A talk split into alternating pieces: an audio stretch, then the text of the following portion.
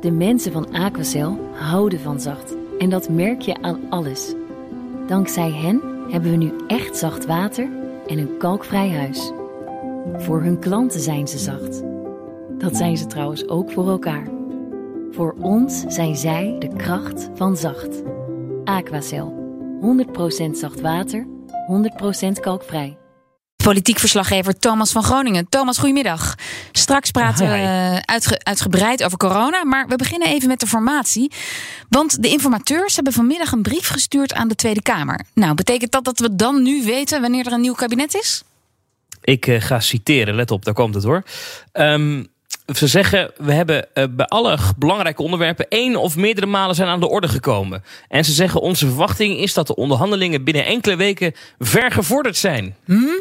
Dat is wel heel voorzichtig. Ja.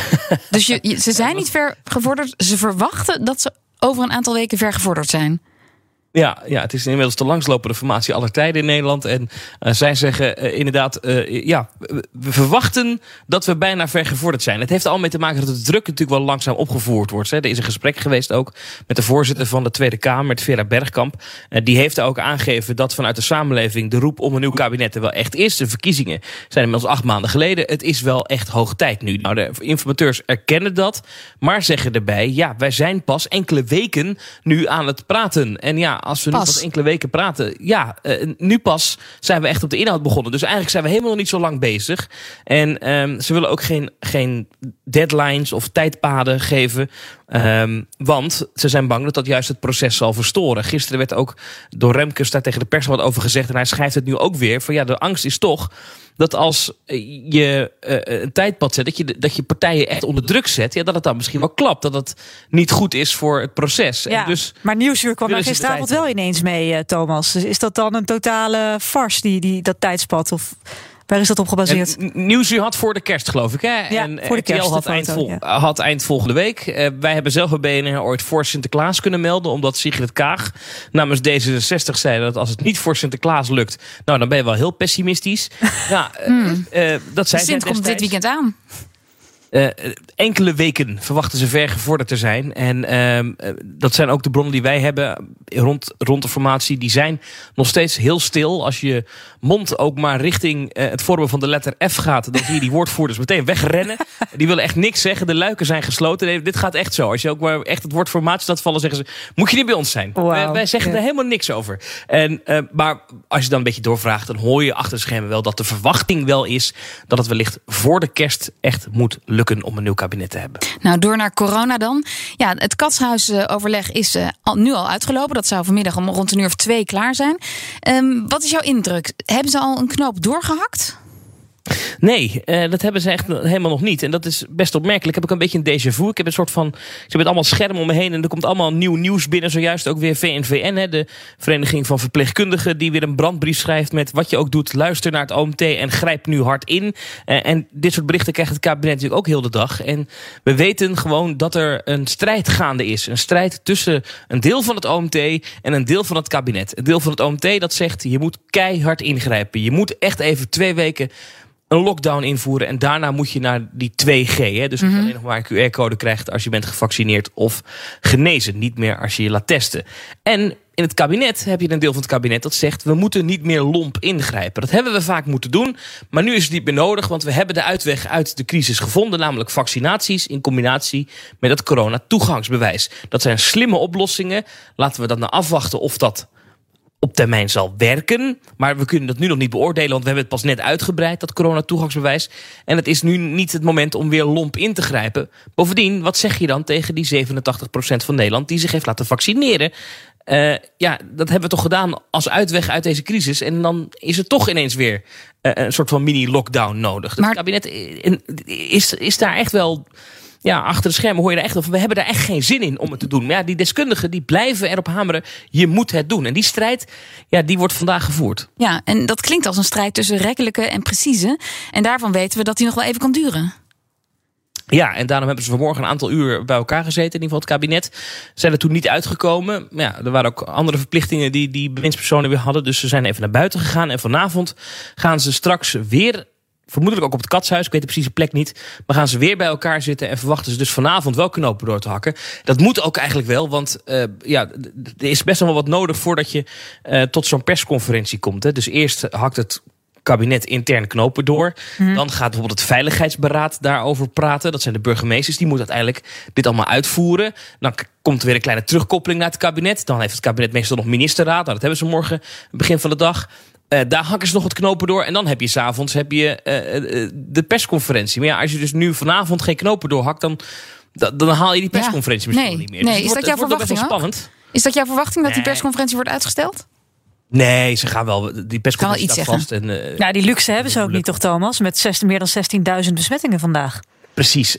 Dat is wel zo. Dat dat getal wat daar vandaag binnen is gekomen, dat heeft wel natuurlijk de urgentie echt onderstreept. Dat zo mhm. zei iemand het tegen me een paar uur geleden. Ja, ze zijn daar wel ook wel van geschrokken. Dus ze zien daar ook wel, oh ja, we moeten misschien toch wel iets doen. Alleen, ja, dat lompe ingrijpen, ja, ik heb het al een paar keer genoemd, dat L-woord. Maar dat is echt iets wat ik vaker terughoor. Dat willen ze echt liever niet. Maar ja, als alle deskundigen en brancheverenigingen, uh, of in ieder geval in de zorg, de brancheverenigingen zeggen, je moet het echt doen, want wij kunnen het hier niet meer aan. Ja, dan sta je voor een heel duivels dilemma als kabinet. En stel, ze komen nou morgen inderdaad met, met een aantal maatregelen, al dan niet een mini-lockdown of lompe maatregelen, hoe je het ook wil noemen. Wanneer zouden die dan ingaan? Want soms doen ze wel eens vijf dagen. Van nou, over vijf dagen, dan gaat de horeca weer een paar uur eerder dicht of zo. Wat verwacht jij daarvan? Nou, we hebben dat in het verleden bijvoorbeeld gezien met de avondklok. Die werd toen aangekondigd, ging pas een paar dagen later in. Uh, maar dat had ook te maken omdat daar nog wetgeving voor nodig was. En nu bijvoorbeeld zien we het ook met uh, het uitbreiden van het coronatoegangsbewijs naar, naar nieuwe sectoren waar het nog niet zo is. Bijvoorbeeld niet-essentiële winkels. Denk aan de IKEA bijvoorbeeld.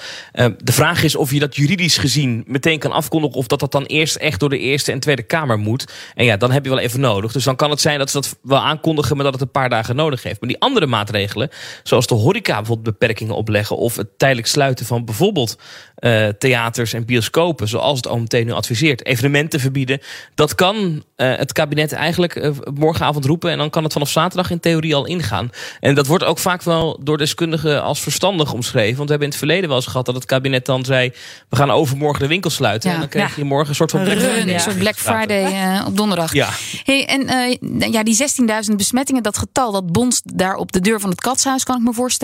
Maar wat mij opviel is dat er ook veel heftige reacties uit de cultuursector te horen waren en te lezen online uh, vandaag. Horen zij die ook? Speelt dat nog een rol? Ja, dat, nou ja, de, de, lobbymachines komen natuurlijk wel op gang. dat zal ongetwijfeld echt wel een rol spelen. En wat, wat uh, uh, die, die signalen komen bij het kabinet ook echt wel binnen. Ik heb er ook wel naar gevraagd. Van zie je wel, naar die bioscopen die zeggen wij hebben bijna geen besmettingen. Nee. Noem mij één brandhaard die je kan herleiden naar een bioscoop of theater. Dat is bijna niet te vinden in Nederland. Ja, dan, dat voelt heel oneerlijk. Ja, dan krijg je wel meteen weer terug van ja, maar je moet niet vergeten dat bij het overgrote deel, eh, drie kwart of eh, laten we zeggen twee derde van de, uh, van de uh, besmettingen. Daarvan is de bron niet herleidbaar in het bron- en contactonderzoek. Dus we weten ook niet of theaters en bioscopen een, een brandhard zijn. Daar hebben we geen idee van. Maar het komt daar wel binnen. En er wordt ontzettend veel gelobbyd. Dat hoorde ik wel, dat ze echt plat gebeld worden, de ministeries. Of het nou door de horeca is, of het nou door theaters is... of het nou door evenementenbedrijven is. die allemaal nu ja, heel hard naar het kabinet roepen. Luister, wij hebben van alles gedaan om dit veilig te organiseren. Wij zijn hartstikke goed bezig, ook met het coronatoegangsbewijs. Dat hebben jullie mm van ons gevraagd. Wij hebben dat gedaan. Daar hebben we ook geld ingestopt in sommige gevallen, zeggen die sectoren. En dan zouden we nu dicht moeten. Ja. Uh, en wat dan meteen de stap twee daarna is, als ze dan, want eerst is het natuurlijk even acceptatie dat het wellicht gaat gebeuren. En daarna komt meteen de vraag, als het gaat gebeuren, komt er dan ook coronasteun? Nou, daar heb ik even over rondgevraagd. En eigenlijk alle Kamerleden die ik hierover gesproken heb, die zeiden ja, als je sectoren gaat sluiten, dan moet er ook weer een steunpakket komen. De vraag is alleen of dat dan ook morgenavond meteen aangekondigd kan worden, als het kabinet nogmaals overgaat tot maatregelen, wat we dus nog niet weten. Nee, nog een laatste vraag. Um, je zegt ja, er zijn binnen dat kabinet heel veel discussies over die lompe maatregelen, uh, ja dan nee. Um, weet je ook aan, aan, aan welke personen dat kleeft? Zijn er, kun je, kun je, hoor jij wie wel voor dit soort ingrijpende maatregelen is en wie liever subtiel te werk gaat? Op persoonsniveau? Vroeger wisten we dat, dat het kabinet had je. Uh, dat werden dan binnen het kabinet de witte jassen genoemd. Er zat bijvoorbeeld Hugo de Jonge in, maar ook de premier. En nog een aantal andere uh, kabinetsleden. En dan had je ook de wat realistischere of, of, of, of wat andere uh, kabinetsleden. Een Wopke Hoekstra zat daar bijvoorbeeld in in die tijd. Die, wat, die ook de, het kostenplaatje zag van al die maatregelen. Mm -hmm. dat, waren, dat hebben we in alle reconstructies van 2020 gelezen. Hoe dat nu zit, weet ik niet. Maar ik kan me voorstellen dat die verhouding wellicht, uh, wellicht weer daarop lijkt, maar we weten het niet. Ja, en als je het hebt over bijvoorbeeld zo'n 2G-maatschappij, waar heel veel om te doen is natuurlijk. Want ja, ga je dan ongevaccineerden uitsluiten van een bezoekje aan restaurants, ook al willen ze zich laten testen. Daar is natuurlijk veel om te doen. Ik kan me voorstellen dat dat ook echt wel tot wrijving leidt binnen zo'n kabinet. Zeker. Nou, de Mona Keizer is ervoor uit het kabinet gezet, zelfs als het ging om, uh, om de coronatoegangspas. Maar zij schreef toen in haar afscheidsbrief ook van dat 2G. Daar zou ze helemaal fel tegen zijn. Ja. En dat 2G wordt echt nog wel interessant hoor. Is daar nou echt draagvlak voor in de, in de Tweede Kamer? En bewijs. dat best wel een en bewijs voor of het werkt, dat Ja. is ook nog een, nog een goede vraag, zeker. Maar willen Tweede Kamerleden dit steunen, partijen? Nou, we denken dat er voor in ieder geval wel een meerderheid te vinden is in de Tweede Kamer. Maar de grote vraag is, zit de ChristenUnie daarbij? Hè? Er wordt een nieuw kabinet geformeerd, daar zit de ChristenUnie gewoon weer bij. Dus de huidige coalitie gaat door. Zou je dan nog voordat dat nieuwe kabinet op, op, op de bordes staat... een moment krijgen dat er een hele belangrijke maatregel ingevoerd wordt... een vergaande maatregel, waar dan een huidige en een nieuwe coalitiepartij... de ChristenUnie niet achter staat. Nee. Want we weten dat de ChristenUnie heel kritisch is over vaccinatiedrang... en alles wat ook maar lijkt op vaccinatiedrang. Ja. Zij zien dat eigenlijk niet zitten. Er wordt nog een hele spannende. vraag is of zij dat gaan doen. En ze zeggen daar niks over. Want eh, ja, als je daarna vraagt, zeggen ze... we zijn aan het overleggen. Dankjewel, Thomas. De mensen van Aquacel houden van zacht. En dat merk je aan alles. Dankzij hen hebben we nu echt zacht water en een kalkvrij huis. Voor hun klanten zijn ze zacht. Dat zijn ze trouwens ook voor elkaar. Voor ons zijn zij de kracht van zacht. Aquacel. 100% zacht water, 100% kalkvrij.